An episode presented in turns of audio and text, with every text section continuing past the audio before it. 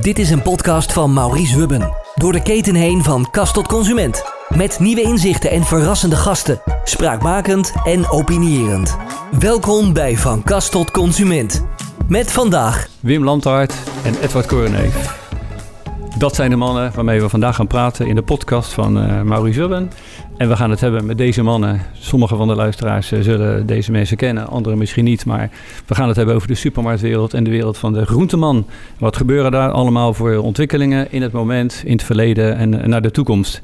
Kortom, we gaan het hebben over gezonde voeding, supermarktmanager, groentewinkels. Wat is de toekomst van de, van de groentespecialist? Gezonde voeding, BTW-tarieven, ook zo'n lekker onderwerp waar iedereen van alles van vindt. Uh, alleen de bio, alleen de groente en fruit. Of uh, moet die BTW uh, verhoogd worden op bewerkte voeding?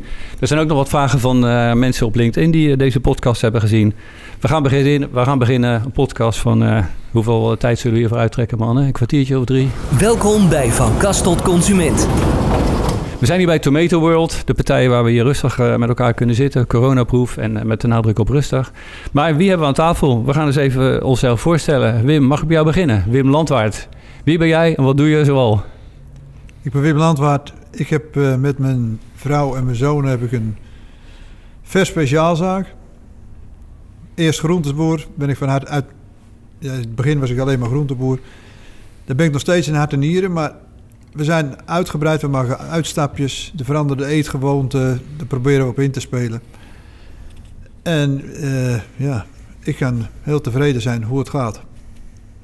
Ik zei, welkom hier bij Tomato World. Uh, voor mij kom je wat verder weg. Waar is die winkel voor jou? Waar speelt jouw wereld zich af? Ik zit in Maartensdijk, dat is het mooiste dorp van Nederland. Ja. Maak gelijk maar een beetje reclame. Met, ja, natuurlijk, dat moeten ja. we gelijk doen. Ja. En, en dat ligt boven, boven Utrecht volgens mij. Ja, en ja. ik heb een speciale band met Tomato World. Ja.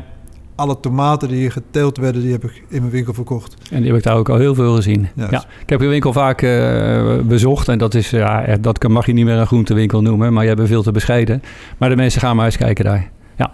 Iedereen is welkom. Edward, wie ben jij en uh, hoe onderneem jij? Wat doe je? Ja, ik ben Edward Korneef. Ik ben uh, kruidenier al uh, mijn hele leven. Uh, het bedrijf van mijn ouders overgenomen. Uh, toen nog in Honselsdijk. We hebben uh, in, 19, of in 2002 de stap gemaakt van Plus naar Albert Heijn.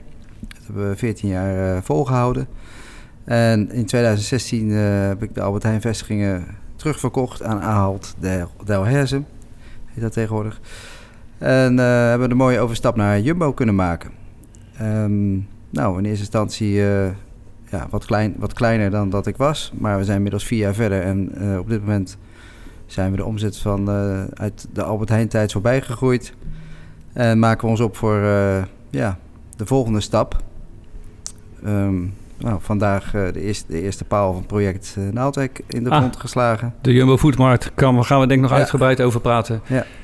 ja. De palen trillen lekker door, dus dat dat gaat goed. Iedereen weet dat er wat aan, ja. aan uh, te gebeuren is. Ja, maar daar zijn we natuurlijk hartstikke blij mee. Het heeft tien jaar geduurd voordat we eindelijk kunnen bouwen. Ja. En wie weet wat er nog meer op ons pad komt. Zonder wrijving geen glans. Uh, volgens mij uh, ken jij dat wel. Uh, hoe bedoel je dat precies? Dat, niks gaat vanzelf. Nee, nee, nee. nee. Tien jaar is een lange adem. Ja, dat klopt. En daar heeft best wel wat voor moeten gebeuren. Dat had ik wel gevolgd uit de, de, de publiciteit. Um, ik zit hier met twee uh, superondernemers, uh, allebei in hun eigen vakgebied aan tafel. Jullie kennen elkaar volgens mij ook goed. Je trekt wel eens samen op. Waar kennen jullie elkaar van, mannen? Ja, nou, ik ken Wim vanuit uh, eigenlijk een nieuwe samenwerking die we met elkaar zijn gestart. Ja. Ehm, je introduceerde hem net al als de beste groenteboer van Nederland. Nou, dat gaat natuurlijk niet ongemerkt voorbij. Dus wat, uh, ik ga natuurlijk dat soort zaken uh, regelmatig uh, af. Bezoeken, leggen regelmatig bezoeken af. En van het een is het ander eigenlijk gekomen. En we hebben de vraag aan Wim gesteld of hij bereid is om bij ons een deel van zijn assortiment te gaan leveren. En ja, ik ben maar tien keer naar Maartensdijk gereden. Toen had ik het eindelijk voor elkaar. Hij was niet zo happig. Hij was niet zo happig. Ja. Maar inmiddels... Uh... Hard to get, die Willem. was je met je meisje ook zo vroeger? nou, ik ben wel heel kritisch. maar inmiddels zijn we natuurlijk hartstikke blij met de samenwerking. En uh, ja, alle vier de vestigingen hebben we echt een heel mooi uh, landwaardconcept geïntroduceerd. Want je hebt nu over vier vestigingen, inderdaad. je hebt nu vestigingen, even de huidige situatie, vier jumbo's op vier locaties. Ja, uh, Oud-Beiland, Naaldwijk, Quinsel en Wateringen. Oké, nog een grotendeels Westland. Ja. En het assortiment wat Wim daar nu levert, dat zijn uh, misschien ook groenten en fruit. Maar ik heb het altijd zelf over de appeltaart van uh, Landwaard. die zie ik ook bij jullie tegenwoordig. Hoef ik niet meer voor maar, naar Maartensdijk. Maar waar bestaat het assortiment verder uit, wat nu bij jou ligt? nou ja, onder andere natuurlijk de appeltaarten. Dat is wereldberoemd. Maar ook kant-en-klaar maaltijden, uh, uh, smoothies, toetjes, taarten. Lunchsalades. Salades. Enorme kant-en-klare slagroom heb ik er wel eens aangetroffen en gekocht. Ja. Heel lekker, veel te snel op. Ja, ja. oké, daar kennen jullie elkaar van. Um, jullie kennen elkaar ook wat beter, dat je ook wel eens met elkaar praat dat, uh, over ondernemerschap. Wat vinden jullie van elkaar nou eigenlijk? Wat je zegt van, Edward, uh, joh, daar ben jij nou eigenlijk hartstikke goed in. Dat vind ik gaaf. Uh, wat kan ik daarvan leren? En andersom, hoe kijk jij naar Wim? Wat, vind jij, wat, respecteer jij vooral in het ondernemerschap zoals Wim dat aanpakt? Wim, mag ik bij jou beginnen? Jazeker. Ja, ik ben in zijn winkels geweest. En ja, die uitstraling daar in die winkels, dat spreekt me aan. Een strakke winkel. Ik, ben, ik kom ook uit de, de supermarkt. Daar ben ik begonnen. Mijn vader had een kleine supermarkt. Mijn broer heeft dat voortgezet. Die is Albert Heijn geworden, dat wilde ik niet. Ben ja. Ik ben mijn eigen gang gegaan. En, maar als ik in die supermarkten kom, ja, de, strakke winkels, goed georganiseerd. En als ik met hem praat, dan, ja, dan hebben we wel een, uh, een match. Dat kan ik zoveel zeggen. Strakke winkels, goed georganiseerd. Wat vind je van die winkel van, uh, van Wim? Even los van het assortiment en dat je hem uh, tien keer heen moest om hem te verleiden. Ja, Wat vind je van het ondernemerschap zoals Wim dat beetpakt? Nou, dat is natuurlijk uh, uniek in Nederland. ik, ik ben nog nooit zo'n winkel tegengekomen. En ook van waar het vandaan komt. Hè. Wim zegt het zelf al, we waren groenteboer. Maar op een gegeven moment hadden ze natuurlijk door dat het verkopen en, en produceren van goede maaltijden natuurlijk de, de trend werd. Nou, en eigenlijk alles wat ze nu oppakken is is een succes. Hè? En uh, er wordt mij wel eens gevraagd van waar blinkt hij nou zo in uit? En dan zeg ik altijd, joh, ze zijn bij Landwaard heel erg goed in staat om eigenlijk, uh, nou uh, ja, soms wel eens gewoon normale producten extreem lekker te maken. En dat, ja, dat is echt wel geweldig om te zien. Wij we steeds over de winkel hebben van Wim, maar achter de winkel ligt nog een ruimte die is volgens mij groter als de winkel, waar je van alles bereidt, hè? Dus uh, volgens mij doe je een stuk uh, groente speciaalzaken. Dan heb je ook patisserie erbij gepakt. Maar volgens mij doe je ook heel veel bereiden van allerlei dingen voor catering en dergelijke. Mogen we dat gedeelte van jouw zaak nog even iets langer bespreken? Want je bent echt wat te bescheiden, Wim. Oké, okay, nou ja. Het catering ligt op het moment stil. Ja. Dat heeft de COVID wel meegebracht. Maar ja. daar uh, zijn we wel in gegroeid. Het is ook zeer arbeidsintensief. En wat we doen, ja, wij willen dagvers leveren. En dat is, ja, bij heel veel winkels is het, hoe lang is het houdbaar? Ja. En wij willen vers van vandaag. Ja. En dat vind ik het allerbelangrijkste. En we produceren, produceren alles zelf. En dus werd tegen mij altijd gezegd, een goede bakker is nooit een goede patissier. Nou heb ik de afdeling gescheiden gedaan en ik wil het beste brood hebben. Dan doen wij deze. En ik wil ook de beste patisserie. Mijn patissier is oud wereldkampioen. Nou ja, ik wil gewoon het beste van het beste hebben. Ja. En onze klanten willen dat ook. En dan voor een redelijke prijs. Ja. Even een gedachtesprong. Stel dat uh, Wim zijn eh, winkel hier in het Westland uh, zou hebben. Je hebt tussen al die Westlandse ondernemers, et cetera, met zijn luxe product. Zou zijn winkel dan net zo goed lopen? Of is het publiek van Wim daar in die omgeving wel ook dat maakt dat het daar goed loopt? Kijk jij daarnaar, Edward? Nou, ik denk dat dat hier ook wel heel goed zou kunnen lopen. Ja? Uh, en Wim heeft het bedrijf wat hij nu heeft ook niet in één dag opgebouwd. Dat is natuurlijk ook een kwestie van tijd. En als je langdurig dit niveau uh, laat zien, dan uh, wordt vanzelf je cirkel groter. Ja. En dat is natuurlijk echt gebeurd in Maartensdijk. Ja. Ja, ze komen vanuit verre omstreken komen ze naar jouw winkel volgens ja, mij. Toch een uh, straal van een kilometer of 30? Ook ja, maar ik heb verschillende klanten uit Westland. Dus er wonen hele verstandige mensen. Die zelfs tien keer rijden. Ja. Wat maakt het ondernemerschap voor jullie nou zo gaaf, zo uitdagend? Wat vind, wat, uh, ik, neem er namelijk, ik ga er namelijk van uitstannen dat jullie er nog steeds erg lol in hebben. Waar zit nou die lol? Ja, voor mij is de lol... Ik ga nooit met tegenzin in mijn werk, want ik vind het het mooiste werk, maar ik hou van vernieuwing. En dan denk ik van, oké, ik ga veel kijken bij andere winkels, ook bij supermarkten, ook in het buitenland. En dan denk ik van, ah, dat vind ik leuk. Dan probeer ik het beter te doen. Niet dat ik alles beter weet, want ik ga ook regelmatig onderuit. Mm -hmm. Maar die klant verrassen, dat is voor mij het, het, belangrijkste wat er is. En daar, heb ik een, daar krijg ik een kick van. En als ik me- merk dat mensen uit Den Haag of waar, waar ook vandaan speciaal naar mijn winkel komen, nou, dat vind ik gewoon kicken. Kan ik me voorstellen. Dat merk ik ook als ik bij jou ben. Jij vindt dat leuk en daar maak je ook gewoon tijd voor. Ja. Waar zit bij jou de lol in het ondernemerschap, Edward? Kan je over lol spreken of waar, waar zit gewoon jouw kick? Eh, jij duwt er ook best een beetje tijd in, denk ik, eh, Ja. iedere dag en week. Ja. Praat maar door. Ehm, nou ja, kijk, ik heb het bedrijf natuurlijk van mijn ouders overgenomen. Dat is de eerste lol die ik heb. Dat is eh, fantastisch als je dat voort kunt zetten. Ehm, ja, eh, wij proberen onszelf ook aan de bovenkant van de markt te positioneren. Dus Wim zei het al, goede winkels, eh, strakke winkels, goed georganiseerd. Nou, ik denk dat we daarbij er al jaren eigenlijk in uitblinken.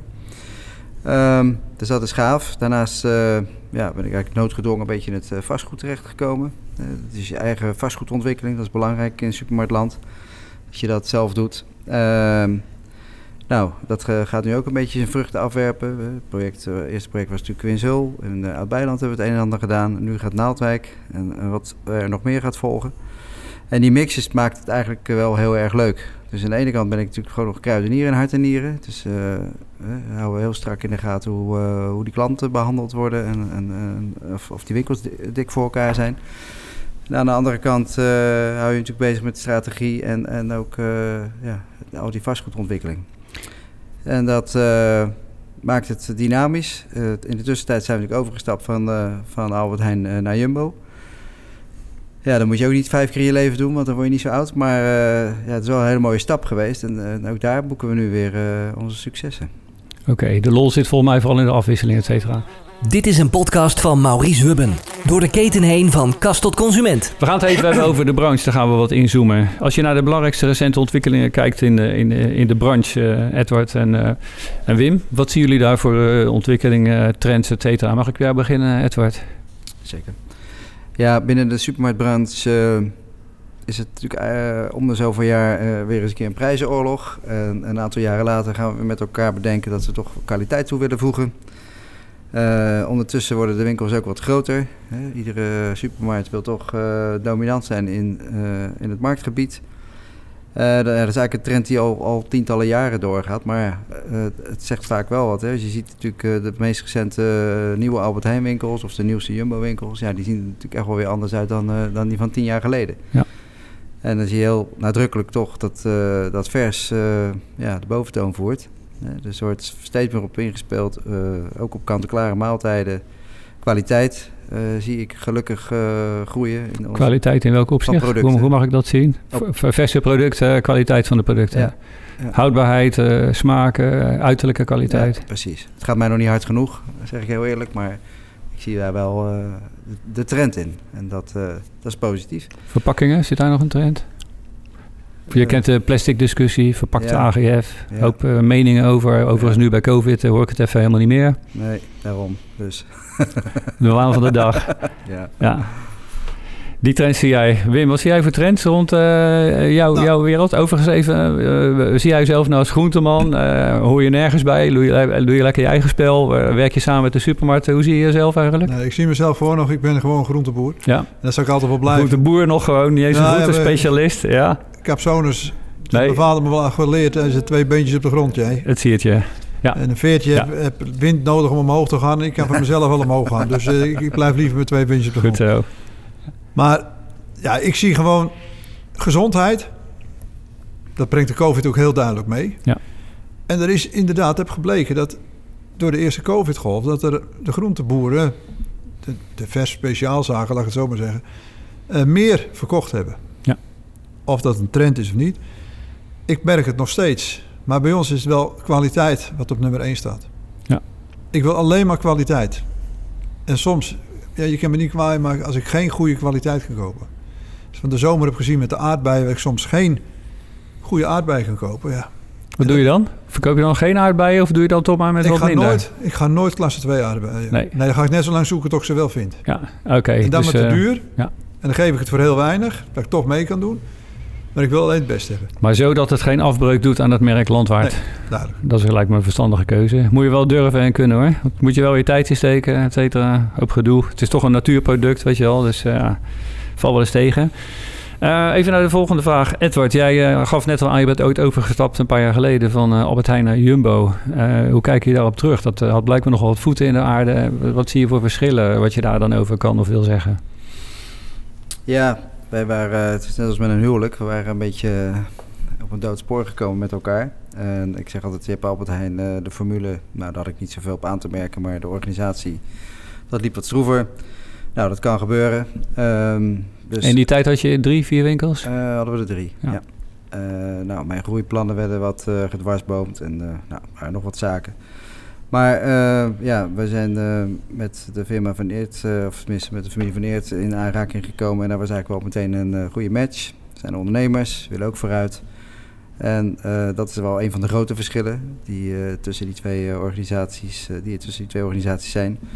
En nou ja, wij zijn op onze eigen manier gaan ondernemen. Um, ik heb heel veel uh, oude collega's meegenomen naar, uh, naar de Jumbo-formule. Ja, wat ik net al zei, we, inmiddels zitten we ver boven de omzet die we met Albert Heijn uh, realiseren, totaal. En ehm, ja, we, hebben, we kunnen daar ook heel veel toevoegen, want zeg maar we, we, hebben nu Landwaard als, als voorbeeld van een externe leverancier, maar zo hebben we natuurlijk nog veel meer. Hè. Dus al de Westlandse partijen, Slager Zwaard uit de Lier, Bakkerberg uit Maasdijk. ik hoorde net aardbeien. Ik denk, nou, wij hebben altijd de Westlandse aardbeien, dat is ook altijd top. En zo hebben we natuurlijk nog, eigenlijk voor iedere categorie hebben wij externe partijen bovenop het Jumbo-assortiment. In dit geval. Ja, en dat heeft er eigenlijk voor gezorgd dat die Jumbo's bij mij in de stroomversnelling zijn, terecht zijn gekomen. En dat we ook het vers aandeel wat wij uh, verkopen, dat het ook uh, enorm is toegenomen. En dat, ja, dat, dat, maakt die winkel natuurlijk compleet. En, en krijg je ander type boodschappen, hoe zeg je, ander type shoppers in je winkel. Was die mogelijkheid voor dat lokale product er niet zozeer bij die Albert Heijn? Even kijken naar de verschillen tussen de twee formules. Daar, toen ik bij jou in de Albert Heijn in Naaldwijk was, zag ik ook heel veel lokaal product liggen. Zeker. Alleen uh, ze stuurden me ook iedere week een briefje of ik er alsjeblieft mee wilde stoppen. ja, oké. dus je nam de vrijheid. Ja. Even over dat lokaal product, want er was ook een vraag die daarover op LinkedIn was gekomen. Je hebt dat heel veel gehad, uh, lokale producten, et cetera. Brengt dat nou ook wat? Doet dat wat? En merkte je dat uh, daar ook enthousiasme over was? Kon je daar meer voor vragen op de winkelvloer? Nou, het gaat niet zozeer om, om, om het meer voor vragen. Het gaat natuurlijk om dat je onderscheidend bent. En, dat je, en kwaliteit toevoegt aan de, aan de bestaande producten binnen de formule. En uh, ja, we zijn er nog niet, want we gaan straks hele grote winkels bouwen. En uh, ja, daar hebben we ook uh, assortiment voor nodig. Dus ja, we gaan straks nog een paar stappen maken. En hopelijk ook met veel lokale partijen erbij. Eh, om uh, ja, die kwaliteit uh, zo hoog mogelijk te krijgen. Want aan de logistieke kant met die lokale leveranciers uh, komt natuurlijk wel iedereen met zijn eigen karretje, met zijn eigen losdingetjes. Dus je hebt er wel wat meer herrie van. In plaats van dat je vrachtwagen van de Jumbo met alle spullen in één keer aan de deur komt. Weet je wel, ja. het geeft je ook wel wat, wat onrust valt, misschien. Dat valt op zich wel mee. Want kijk, wij, het zijn eigenlijk, wij noemen het, het zijn concepten bovenop het concept wat je al hebt. Ja. Dus het is niet zo dat iemand voor tien kistjes tomaten komt. Het zijn wel gewoon grote leveringen. Dus. Valt wel mee. Dat valt wel mee. Is te overzien. Um, Wim, jij hebt, uh, voelt je nog steeds groenteboer, maar tegelijkertijd voel ik dat jij ook kijkt naar uh, andere partijen en ook niet van niks veel contact hebt met Edward en daar gaat leveren. Daar heb je ook best wel wat uh, denk, kritiek op gehad van anderen. Waar, hoe moeten we jou nou zien tussendoor, behalve dat je gewoon lekker je eigen gang gaat? voel je nog wel groenteboer en verbonden met de, de collega's of misschien de oud-collega's? Ja hoor, ik heb nog met heel veel collega's heb ik nog contacten. Ja. Alleen ik denk dat je alleen van groenten en fruit je op den duur niet meer blijven bestaan, omdat ja, alles verandert. En als je een salade anders brengt en ook de nieuwe trends volgt op het gebied van uh, ja, culinaire dingen, ja, dan, dan, ga, dan ga je doorgroeien. Ja. En dan, daardoor krijg je meer assortiment. Ik heb altijd afgevraagd, geef een consument nou een reden waarom die bij mij in de winkel komt. Ja. Nou, dan moet hij zoveel mogelijk producten hebben die hij bij een ander niet kan krijgen. Dat is een reden, want dan moet hij naar mij toe als hij dat wil hebben. Ja. Daarvoor moest ik ook eerst naar Maartensdijk. Nu uh, gelukkig lig je wat meer in de buurt voor de appeltaarten. Ja, ja. dat heb ik ook gedaan. En, uh... de, je, je, hebt echt wel een wegje geslagen om met Edward te gaan samenwerken. Dus met een supermarktondernemer. En uh, wat je dan over, over kwijt wilt voor de toekomst. Wil je dat meer gaan doen? Ook andere ondernemers? ga je meer en groentespecialisten beleveren en supermarktondernemers gewoon? Is iedereen je vriend? En ja. dus klant? Jazeker, ik, maar, ja. daar mag ik helemaal geen onderscheid. Maar ik zoek wel mensen die ook begrijpen dat het product een meerwaarde heeft. En die daar ook achter staan. Ja. En het product heeft een verhaal. Vind ik heel belangrijk. Nogal. Dat is ook een goed soort tomaten. We hebben zoveel soorten tomaten. En toch zijn er elke keer weer nieuwe soorten tomaten. Wij werden zelfs benaderd, omdat ze wisten dat we samenwerkten, door partijen uit de markt. Van kunnen jullie volgend jaar mei hebben we een nieuw soort tomaten, willen jullie gaan introduceren? Ja. Daar heb ik over gehad, we hebben ze geproefd. Nou, of we dat doen, dus, dat weet ik niet. Maar het blijkt wel dat iedereen op zoek is. En ik wil gewoon unieke dingen hebben. En ik wil niet die wassenbommen hebben die de supermarkt, de, de, de discount heeft. Ja, goedkoop, goedkoop, goedkoop. Nee, ik wil lekker. Snap ik. Doe jij overigens ook veel met lokale leveranciers of uh, dat eigenlijk helemaal niet zozeer? Nou, bij ons in de buurt heb je wel wat. Daar, Ja. daar werk ik gewoon mee. Ja. En eh, we hebben de kersen uit de streek, we hebben de pruimen uit de streek, we hebben heel veel zaagfruit. En ja, ik vind het Westland ook wel een streekproduct. ja, wat dat betreft is Nederland natuurlijk... eh, Eh, daarom. Hebben we wel gelijk in, ben ik het mee eens. Ja. We gaan even naar het online verhaal, wat, waar altijd binnen onze sector eh, relatief eh, over gesproken wordt, dat het ontzettend achterblijft. Eh, mensen willen vestproducten helemaal niet online bestellen, want je moet het kunnen voelen en ruiken en zien, want je hebt te veel teleurstellingen. Hoe kijken jullie naar het online verhaal? Wat gebeurt daar op het moment? Edward, mag ik bij jou beginnen? Nou, er gebeurt op dit moment natuurlijk ontzettend veel. Door COVID is dat natuurlijk versneld. Ja. Ehm, nou, we hebben één geluk dat niemand er nog geld aan verdient. dus, zit het geluk als ik je vragen mag? Of de lol waar we het net over hadden? eh, nou ja, dat, je- niemand, dat niemand er wat aan verdient. Nee, Ja. eh, kijk, het, eh, dat Nederlandse consument heeft dat nog niet altijd even goed door. Maar wij zijn het ene goedkoopste land voor levensmiddelen in Europa. Dat betekent dat er ook hele lage marges zijn. Dus eh nou ja, thuisbezorgen kost veel geld. Dus, dus dat, eh, dat is nog niet Dan eh, leuk. rekenen jullie nog bezorgkosten, terwijl een partij als Picnic volgens mij niet eens bezorgkosten rekent. Nee, maar die maken ook 100 miljoen verlies per jaar. Dus ja, dat, eh, dat zijn aparte verdienmodellen. Maar laten we het niet over picknick hebben. Maar we, we, we zien natuurlijk wel een enorme stijging in het omzetaandeel home delivery of ophalen, pick-up points. Ja. En dat, dat neemt toe. Ehm, ja, dat is nu zo'n tussen de, bij mij dan tussen de 8 en, en de 10, 11 procent Van de totale van de omzet. totale omzet. Dus dat is al fors eh, toegenomen. Door COVID denk ik versneld. Ja, wij, wij zitten vol. Dus ik, ik kan ook niet meer eh, doen dan Ja. wat we nu doen. Maar kijk, eh, laten we nou zeggen dat dat nog eens een keer tot 20% gaat groeien. En dan denk ik altijd, er blijft nog 80% over. En als we nou zorgen dat we daar de beste van worden, Ja. dan komt het nog steeds wel goed met supermarkten. Zit dat aandeel van VES eh, daarin, eh, is dat ook gewoon eh, goed vertegenwoordigd? Ja, ja, Dat bleef altijd wat achter, zag ik. ja maar dat, dat, dat is niet substantieel minder of zo. Nee. Want ik heb mezelf, ik ben marketeer, dus merken en et cetera interesseert me altijd nogal. Ik heb zelf altijd gedacht dat als je online gaat bestellen en er zitten ook goede merken bij, dus je, je weet van bijvoorbeeld honingtomaten of van de Tasty Toms gewoon altijd wel goed wat je, wat je hebt. Dus dat geeft houvast, ook als je dan dingen vers koopt die je niet in je handen hebt gehad, weet je wel. Dus eh, ligt er een kans voor merken in vers eh, binnen het online verhaal, omdat mensen heel graag zekerheid willen hebben om producten te kopen die ze zelf niet kunnen zien of voelen. Los van die merken gaat de online verkoop dus toch wel aardig door. Zeker. Invers ook. Aan onze taak natuurlijk om die winkels eh, spannend en eh, innovatief te houden, waardoor consumenten toch ook winkelbezoeken blijven afleggen. Ja, en dus ook de impuls blijft werken. Ja. Doe jij iets online, Wim? Of, zo min mogelijk. ja? Want ik kan mijn werk nu al bijna niet klaar krijgen. Ja? Ik werk samen met Localist. Dat is eh, lokale producten. Ja. En dat zijn lokale winkeliers. En die komen alles ophalen. En dan wordt het bij de mensen bezorgd. Oké. Maar heel veel mensen komen bij mij omdat ze het een uitje vinden. Mensen van ver komen krijgen ze een kopje koffie. Dat wordt allemaal geregeld. En ik hou wel van sfeer en gezelligheid. En we, nu, deze tijd, wordt er gezegd van één persoon in de winkel. Maar heel veel mannen komen altijd met de vrouwen mee, vooral in het weekend. Om gewoon lekkere dingen te kopen.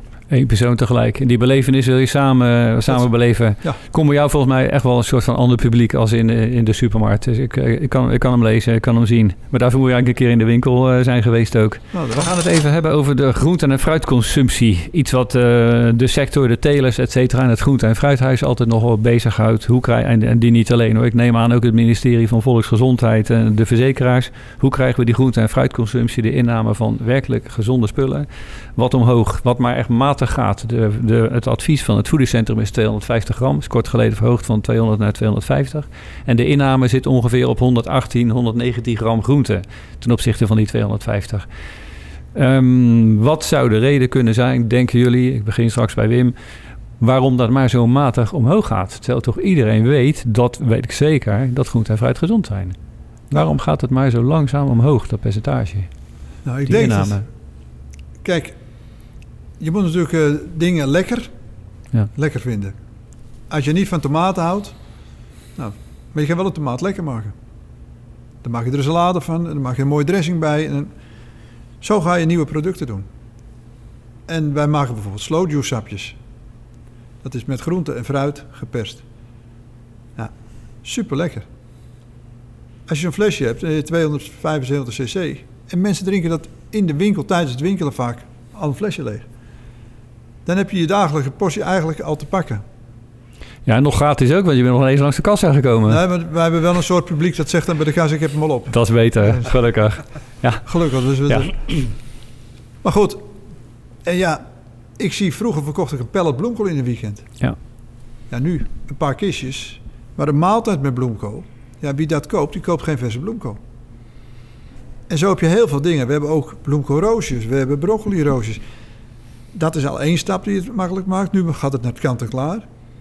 Nou, dan hebben wij, wij koken dat in zo'n high-speed koeker. Dat alle vitamines erin blijven. Dus dat is ook wel een dingetje als je kant-en-klaar koopt. Ik denk niet dat je ons kant-en-klaar ergens in Nederland kan kopen. Behalve bij Koorneef dan. En ik denk dat je zo... Wij komen wel aan die hoeveelheid. Want ik verkoop nog best veel. Ja, ja. Dus jij geeft aan hoe jullie het doen en mensen helpen om het ook lekker te maken en het te, ver- te verpakken in een kant-en-klare maaltijd. Maar nog steeds gaan de percentages inname maar heel matig omhoog, Ja. ondanks jouw inspanningen. Maar nou pak jij natuurlijk maar een deel van de markt. Edward, eh, hoe kijk jij daar tegenaan? Wat maakt dat er in Nederland toch maar zo relatief ongezond gegeten wordt?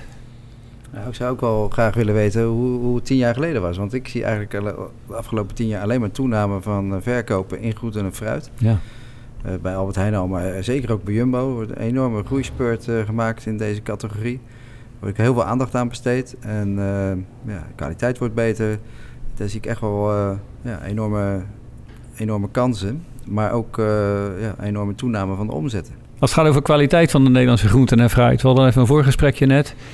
Wat mij altijd opvalt is als ik eh, ergens anders kom eh, in het buitenland bij supermarkten zie ik veel grotere paprika's. Eh, als ik in Nederlandse supermarkten kom zie ik kleine paprika's. Ik heb altijd het idee dat, en dat is vroeger ook wel bevestigd hoor, toen ik zelf nog plukte en tomaten moest sorteren. Binnenland is de mindere kwaliteit, buitenland is de klasse 1. Hoe bestaat het dat wij, en misschien ben het helemaal niet mee eens hoor, ik, roep maar wat. Hoe bestaat het dat wij onze beste spullen exporteren? Wim, Ik denk dat de afgelopen jaren is het natuurlijk wel zo geweest dat binnen de supermarkten alles op prijs gericht is. Nou, het bewijst nu, ja, in mijn winkel, ik probeer wel met de prijs mee te gaan. Ik probeer actuele prijzen te hebben, maar kwaliteit staat bij mij op nummer 1. En ja, ik lever aan een horeca's, misschien een klein uitstapje. En die man die moest ik op verhaal komen. Die man zei, u bent 25% te duur. Er was een andere leverancier, die was 25% goedkoper. En toen gingen we de prijzen vergelijken. En toen had hij drie paprika's voor mij.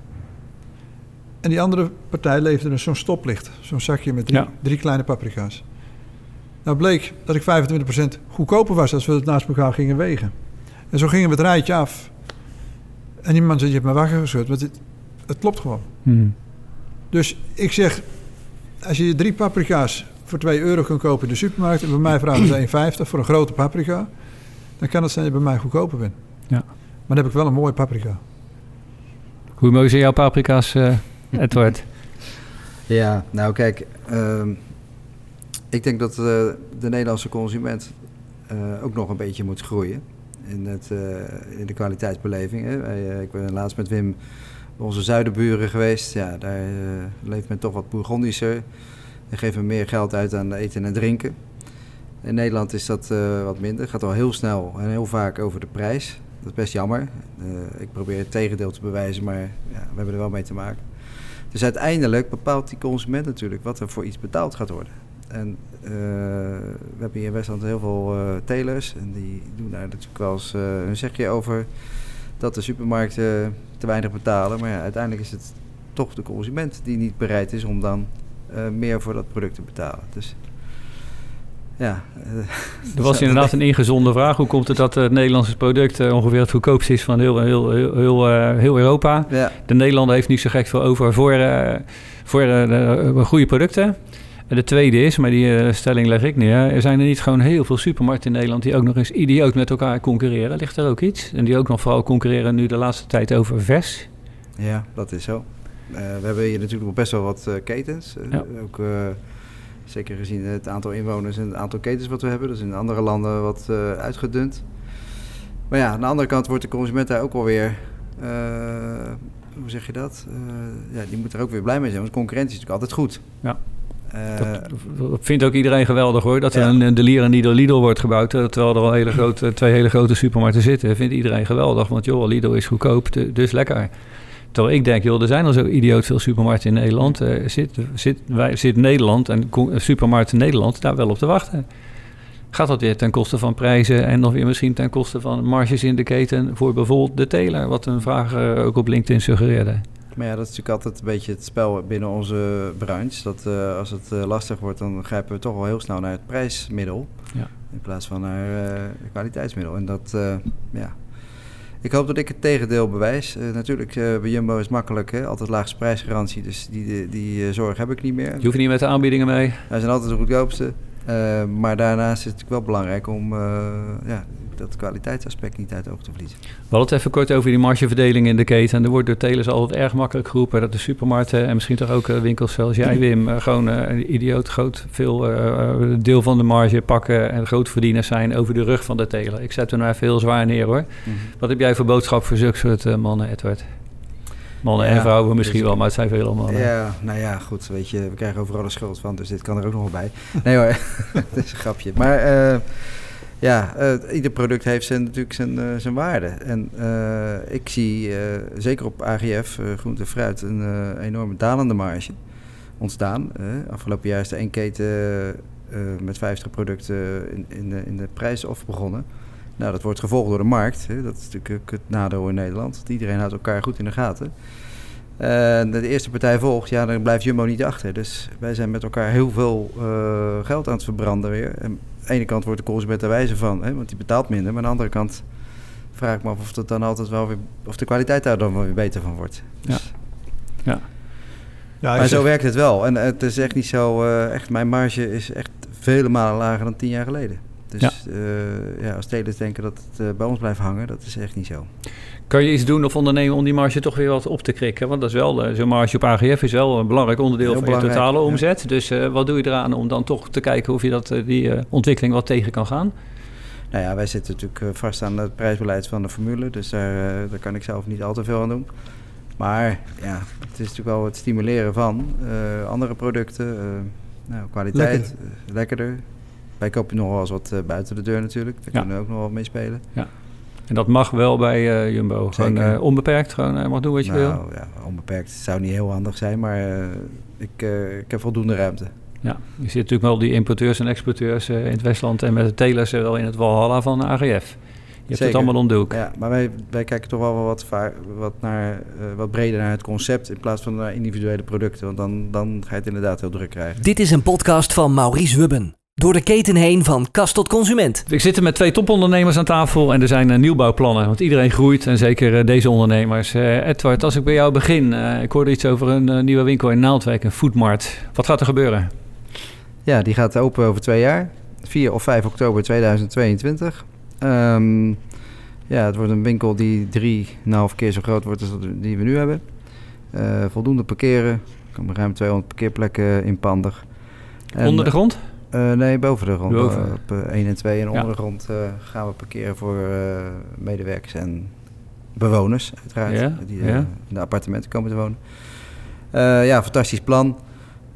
ik denk ook uniek, zeker voor deze regio. Het is natuurlijk een winkel met een forse omvang. En nou, wat, wat je natuurlijk ziet in Nederland, winkels die zo groot zijn, die hebben natuurlijk een grote actieradius. Hè, dus en wat, maakt, wat maakt een foodmart zo anders als een gewone winkel? Gewoon een Jumbo-winkel? Nou, met name natuurlijk ja, uh, assortiment. Ja, je kunt veel meer kwijt. Uh, beleving. We gaan ook uh, een foodcafé starten. Oftewel, consumenten kunnen boodschappen doen en direct consumeren. Dus dat betekent ook dat we nog meer in kant-en-klaar gaan doen. Ja. Eh, we krijgen keukens in de winkel. Eh, alle versgroepen worden maximaal eh, met assortiment eh, ingevuld. Dus ook kaas, eh, vleeswaren, vlees, groente, fruit. Hebben jullie bijzondere plannen met vis? Dat heb ik ooit wel eens van Wim gehoord. Jullie zijn je aan het oriënteren op vis. En dat midden in het Westland. Ja, Leuk. gaat toch gebeuren. Ja? Ja, ik wil de eerste supermarktondernemer in Nederland zijn eh, waar eh, de verse visafdeling een succes gaat worden. Dus daar, Ook in eh, België wezen kijken? ja, daar zie je ook wel wat natuurlijk. Maar daar zien we nog wat minder vis op ijs. Ja. En wij willen dat toch een, in, hier in Nederland gaan doen. Maar ik krijg nog, als het goed is, nog één of twee wat grotere winkels erbij de komende jaren. En daar, eh, daar willen we dat ook gaan toevoegen. Oké. Ehm, je huidige winkel in Naaldwijk, ga, ga je die dan afstoten, de Jumbo? Want eh, twee Jumbo's naast elkaar, dat gaat volgens mij niet gebeuren. Hm. Dus eh, kan je er weer daar wat over kwijt? Nou, daar hoor ik nog niks over. Nee, nee, daar gaat ook niet zoveel mee gebeuren, denk Nee. ik. Want wij hebben een huurcontract nog, wat nog heel lang loopt. En zonder exploitatieverplichting. Dus waarschijnlijk wordt het een beetje stofhappen daar. Opslag. ja, oké. Ehm, Hema is nogal in het eh, nieuws de laatste tijd in relatie tot de Jumbo. Ik snapte hem zelf wel. Eh, er was wel een hoop gedoe over aandeelhouders, et cetera. Maar gaat er in jouw nieuwe winkel ook een Hema-assortiment komen? Zeker, dat heb ik nu al in, eh, Ja? in mijn winkels. Ja. Weliswaar nog wat kleinschalig. Maar En brengt, brengt het je wat? Eh, eh, klopt het? Eh, past het lekker? Ja, ik zie wel dat ze daar nog eh, wat bij moeten sturen. Maar eh, over het algemeen is het natuurlijk... eh ja, HEMA staat bekend om goede non-food producten. Ja. En eh, ik vind het echt een enorme toevoeging. Ja. Ehm, ja, het is kwaliteit goed. Het is een Nederlands merk. En binnen de foodmarkt gaan wij natuurlijk nog meer ruimte daaraan aan toekennen. Dus dan, Ja. Los van dat de foodmarkt vooral food is, ga je ook aan Hema non-food wel nog wat Ja. meer meters eh, geven. Ja, dat is ook het enige echte non-food hoor. De rest blijft natuurlijk gewoon een reguliere supermarkt. Maar ja, dit ziet er echt leuk uit. Het ziet er sowieso wel uit, geloof ik, hè, dat de familie van Eert en de aandeelhouders van Hema het eh, eens gaan worden over een inlijving. Ik ben niet bij de onderhandelingen geweest, dus dat moet je mij niet vragen. Nee, nee. Maar ik verwacht het wel. Ik, werd wel, eh, ik vond het wel oké. Dat Hema echt een belangrijk eh, winkelbeeld, eh, onderdeel in Nederland, een merk waar Nederlanders warm van worden, dat dat behouden blijft. En, en dan denk ik dat het bij Jumbo in, in goede hand is. Maar mijn mening telt hier even niet. Wim, ik ga even naar jouw eh, plannen. Ik hoorde bij jou dat je ook nieuwbouw wilt gaan doen in het dorp. Wat, Ja, wat zijn we van plan? Nou, mijn winkel wordt klein. Ja. En ik krijg heel veel vragen uit de markt. Of ik dat wil gaan produceren. Over wat voor soort dingen gaat dat nou, gaat met name maaltijden, salades, de, de, de verse dingen. Ja. En ook patisserie en brood. En ik wil dat voor mijn winkel, bij mijn winkel gewoon houden. Ja. Maar we gaan daar een nieuw pand neerzetten. We hebben de grond al gekocht. We zijn bij- de vergunningen zitten eraan te komen. En dan willen we meteen gaan starten. En dat is een behoorlijk pand. En dan met name voor opslag. Maar het grootste deel er komen ook keukens in. Ja. En we gaan daar... eh, Heel veel mooie dingen bereiden voor levering aan andere partijen, zoals aan eh, Edward. Dus je bent wel blij dat die winkel van Edward ook wat groter wordt. Want dan eh, kan er weer een beetje meer volume uit Westland. ja, maar hij moet iets meer geduld hebben. En dat heeft hij niet zoveel. Dus dan probeer ik hem een beetje te temmen. Maar, eh, Ah, ja. Ik hoor net dat zijn nieuwe winkel over twee jaar pas klaar is. Dus eh, ja, maar dan ben ik ondertussen, eh, hoop ik wel klaar. ja. En Ja, dat gaan de jongens van mij doen hoor. Ja. Ehm, ik, ik heb in jouw eh, winkel de ontwikkeling gezien dat je heel veel eh groenten en fruit natuurlijk al hebt. Een mega breed assortiment. En ook in de patisserie heb je tussen ongeveer alles in huis en brood. Wanneer is het moment dat je ook eh, vlees op vlees gaat toeleggen? Of is dat, heb je Nou. dat ook al een beetje? Of vind je dat toch wat te ver weg? We hebben vlees kant-en-klaar. Ja? Maar ik doe alleen kant-en-klare producten. Ik zit tegenover een slager. En zolang die het goed doet, ga ik niet in vlees. Oké. Zo kijk je ook naar eh, de buren en het andere Nou ja, ondernemers de willen het centrum een beetje Ja. bij elkaar houden. Ja. We hadden net al even kort over België, waar je wat inspiratie ophalen, omdat ze daar wat Bour- Bourgondisch zou zijn. Kan je even wat specifieker zijn in wat valt daar nou te halen? En misschien ook nog wel wat meer naar het zuiden in Europa zelfs, voor eh, jullie nieuwe winkels. En, bij- en wat- op wat voor soort plekken of bij wat voor soort eh, formules kijk je dan? Alle, alle formules komen. we. We komen in de goedkopere winkels, maar we komen... We gaan naar supermarkten kijken, we gaan naar speciaalzaken kijken. Bakkers, slagers, je vindt overal wat. Ja, En als je soms in een hele slechte winkel komt, dan zie je in ieder geval hoe het niet moet. ja, Dus je leert overal. En je komt de producten. En een Belgische Burgondier, Edward zei het net al. Ja, en die mensen die geven veel meer geld uit voor eten. de Belgische overheid, daar komt er ook nog eens een keer bij, die geven, dan mag je niet iets onder de prijs verkopen. Vind ik ook heel goed. En wat wij hier in Nederland hebben, want ik zal nooit zeggen dat die groente en fruit kan best wat omhoog in prijs. In mijn optiek. Want we hebben wakker dier gekregen, wat die voor elkaar heeft gekregen met het kiloknallen gebeuren in vlees.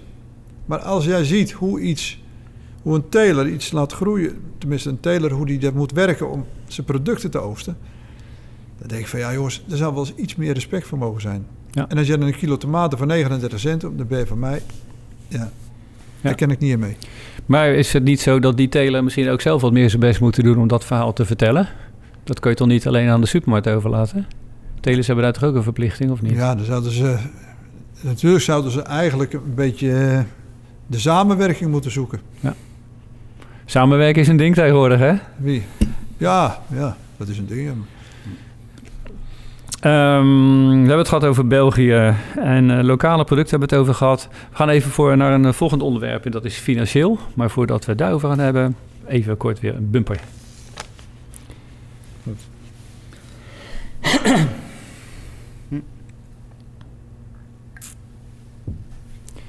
Financieel, ik kondig dat al aan.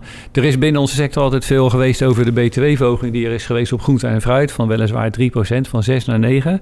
Maar toch geld en misschien toch ook een verkeerd signaal van de overheid. Wat hebben jullie daar voor mening over? Wim? Dat zou 0% moeten zijn. Ja? Tuurlijk, als je gezonde producten wil, eh, dat de mensen dat gaan eten. Ja. Ja, maak het dan goedkoper. En het wordt juist duurder gemaakt. En nu gaan ze het duurder maken. Dat je Ja. Hoe kijk jij daar tegenaan, Edward? BTW, Ja, AGF? Daar ben ik het helemaal mee eens. Ja?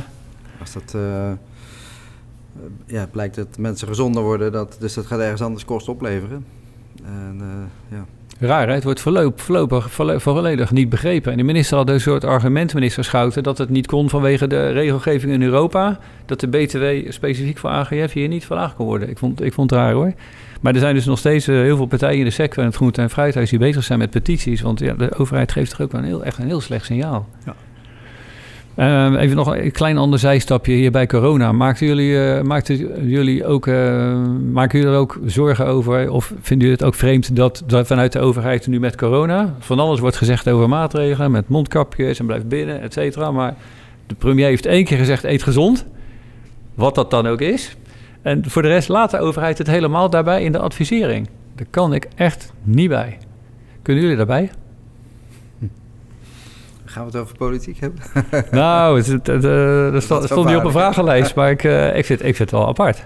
ja, ik denk dat het eten van groente en fruit beter helpt dan een mondkapje. Maar Dat sowieso. Ook al doe ik dan, doe ik dan zelf in mondkapjes, maar ik had ze allemaal liever niet verkocht hoor. Want eh, ik wil helemaal niet dat eh, die corona lang, lang duurt nog. Ja, maar goed, jullie kunnen daar ook niet echt bij. Ik vind het eh, heel apart. Maar goed, joh, als sector moeten we daar toch op inspelen. En tegelijkertijd ja, halen supermarkten, et cetera, meer omzet ten koste van, van de horeca. Ehm, Covid, toch even nog bij dat het onderwerp blijven. Al is het helemaal niet een leuk onderwerp. Ehm, brengt het jullie meer omzet? Omdat de horeca stilvalt? Ja, Ja. Ook meer kosten? ook meer kosten. Ja. Dus wel, eh, wij Maar worden per saldo eh, word je er iets wijzer van? per saldo eh? worden wij er niet wijzer van. Maar ja, het is ook vreselijk. eh, je zou maar een horecazaak hebben. Ja. En eh, als er één sector is die zich keurig heeft gedragen eh, vanaf eh, de start van de COVID, dan is het de horeca wel. Met al hun maatregelen. En dan is het zuur als je natuurlijk alsnog dicht moet. Ehm, ja, en aan de andere kant bij ons is het eh, inderdaad wel wat drukker. Het is natuurlijk ook afgenomen weer. Hè. Het is best eh, allemaal weer normaal geworden. Maar er staan best wel wat eh, kosten tegenover die eh, natuurlijk niemand ziet. Dus per saldo worden wij er ook niet al, al te wijs van. Dus, Wat voor soort kosten moet je denken? nou, beveiligingskosten. Ik heb bij zijn uh, Oh ja, zo'n man bij de ingang die je karretje Ja, aanreikt. Ja. Ja, ja, ja, je staat er toch 90 uur per week per winkel. Dus dat zijn, eh, en, en, daar weet je, daar willen wij natuurlijk ook eh, goed voor zorgen dat dat ook gebeurt. Ik zie ook eh, collega's die doen, die doen dat niet. Nou, wij doen het wel.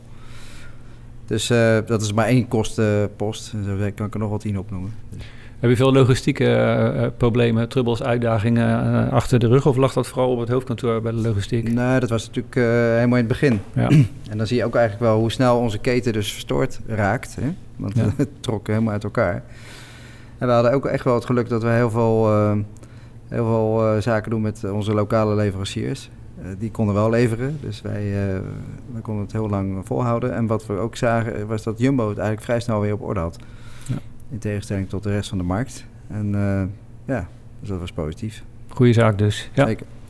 Um, verpakkingen, ook zo'n lekker onderwerp binnen AGF. Uh, even ook als het gaat over kosten, maar het gaat ook wel over voedselveiligheid hoor. Uh, er was veel discussie over de plastic uh, en de verpakkingen, et cetera. Voor COVID was die discussie heel veel, nu is het wat minder.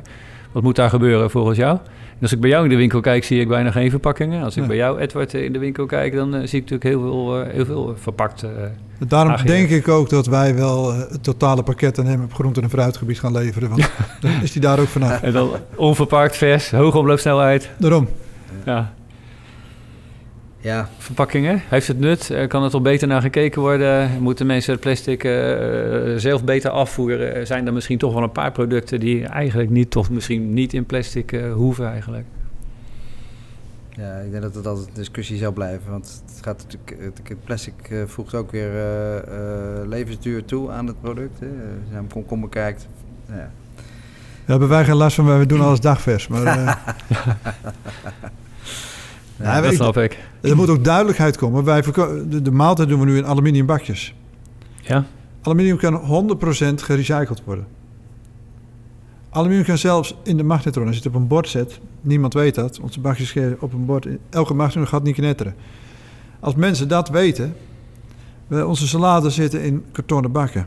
Een ander zegt weer, ja, karton, er moeten zoveel bomen voor geslacht worden. En ja, gooi het maar in mijn pet. Ja heel veel mensen, dan zeggen ze ja, dat is beter. En dan blijkt het helemaal niet beter te zijn. Want als het over duurzaamheid gaat, dan komt het niet op zijn pootjes terecht.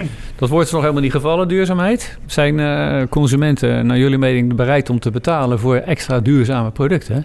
En dan uh, duurzaam op een manier dat zij het ook begrijpen. Dus uh, of biologisch, of langer geteeld, of met meer smaak. duurzaamheid die ook voor hun merkbaar is. Dat is biologisch. Mag dat wat kosten of niet? Nou, biologisch is duurder dan anders, maar is biologisch duurzaam? Ja. We kunnen ook heel lang over discussiëren. Ja, zeggen, als we die discussie aangaan, dan kunnen we even door. Het is uh, biologisch lekkerder. Ja, ja, dus we kunnen ook heel lang over discussiëren. Uh, tussen je oren misschien en niet op je tong. Maar als ik tomaten verkoop, die uit een kast komen... en goede tomaten... en dat mag dan, die zijn onbespoten... dat zijn duurzame tomaten. Ja. Maar dat mag niet biologisch heten, ook al zijn ze onbespoten, want de wortel moet in de, in de grond zitten. Dan krijg ik spullen uit het buitenland en dan staat uh, organic op. En dan wordt het in Nederland niet goedgekeurd. Laat er eens duidelijkheid in komen. Ja. Ik wil een beetje gaan afsluiten, want we zitten aan de tijd. Er was nog een vraag van uh, LinkedIn gesteld over uh, onbewerkte en bewerkte producten. De, de trend schijnt te zijn, er was iemand van de Rabobank van de afdeling onderzoek... die uh, ziet de trend dat er tijdens corona mensen veel meer weer onbewerkte producten kopen... thuis lekker gaan koken en, en gaan doen. Dat is een ontwikkeling die de laatste maanden is geweest. Verwachten jullie dat na de coronaperiode... we hopen namelijk wel dat dat nog een keer tot zijn eind komt en snel mensen dan wel weer meer onbewerkt blijven eten en lekker koken? Of gaan ze dan toch weer versneld naar al die uh, makkelijke maaltijden? Dat hangt er denk ik vanaf hoe lang het nog gaat duren. Ja. Uh, of dat uh, in het systeem van, de, van de mensen terechtkomt. Maar ik denk dat iedereen vooral na de koffie weer gewoon eventjes naar een favoriete restaurant gaan ook. ja. Hoog. En om schade in te halen. En nou ja, het zal ongetwijfeld zullen de dingen gaan veranderen na COVID. Eh, ik bedoel, kijk alleen hoe wij ons bedrijf aansturen. Bedoel, het gaat allemaal uh, online. En, uh, dus dat zullen we ook in de winkels gaan merken. Maar inderdaad, dingen zitten niet zomaar bij mensen in het systeem. Dan moet het wel wat, langer blijven hoor. Dat zie ik ook wel, uh, dat zie ik ook wel gebeuren. Een andere vraag die er nog werd gesteld online gaat over data. Ik weet niet of uh, jij veel dingen doet met data, et cetera. Maar uh, wat doe je nu met data en gegevens al uit, uit de winkels of uit, uit Nederland of uit verkochte producten, cijfers analyseren en voorspellen? Kijk, alles wat bij ons natuurlijk uh, verkocht wordt is bekend. Hè. En ieder product wat in de winkel staat is, is, is, bekend. Dus het hele bevoorradingssysteem is allemaal op data gestuurd. En daar zitten natuurlijk ook uh, seizoenen in geborgd en feestdagen, noem alles maar op. Ja, dat is fantastisch. Alleen dat ligt natuurlijk wel op het hoofdkantoor. Daar kan ik zelf niet zoveel mee. Behalve voeden, te zorgen dat het blijft kloppen. Ja. En, en verder doen wij niet zo heel veel met data. Wacht jij iets met data uit de keten, Wim? Of, uh... Nee, ik, ik ga met de seizoenen mee. Ja. En ik zelf heb er niks mee. De jongens van mij die zijn veel, veel meer bij erin. Ja. Maar nee, ik, eh, ik kijk, als het mooi weer is, verkoop ik veel aardbeien. En als het regent, verkoop ik er minder. Dat is hartstikke helder. Ja. En zo zijn er meer dingen op te noemen. En als het gaat vriezen, hebben we erwtensoep. Dan laten we de mensen een kopje proeven, eh, als dat mag. Nou, ook met COVID moet die klep weer af en dan gaat het ook niet. Maar ik, wij doen nog, we, kijken wel, ik heb wel alles, alles inzichtelijk wat er verkocht is. En, en we kunnen wel naar kijken natuurlijk. Maar je laat je niet helemaal leiden door de data. Nee, nee, Ik had zoiets ook wel verwacht. dat had je wel We gelukkig. kunnen een beetje afsluiten. Ik heb nog één ding. Jullie zijn allebei zakenmannen. Toch ook wel? Hè? Los van de, de passie die je hebt. Eh, heb je nog een droom? Waar zou je, wat zou je nog eens willen neerzetten? Wat zou je nog eens willen doen? Eh, in ieder geval vakmatig. Eh, ben je een dromer? En, eh, heb je een droom, Edward? Wat wil je voor elkaar krijgen? Nou, ik heb heel veel gedroomd. Ja?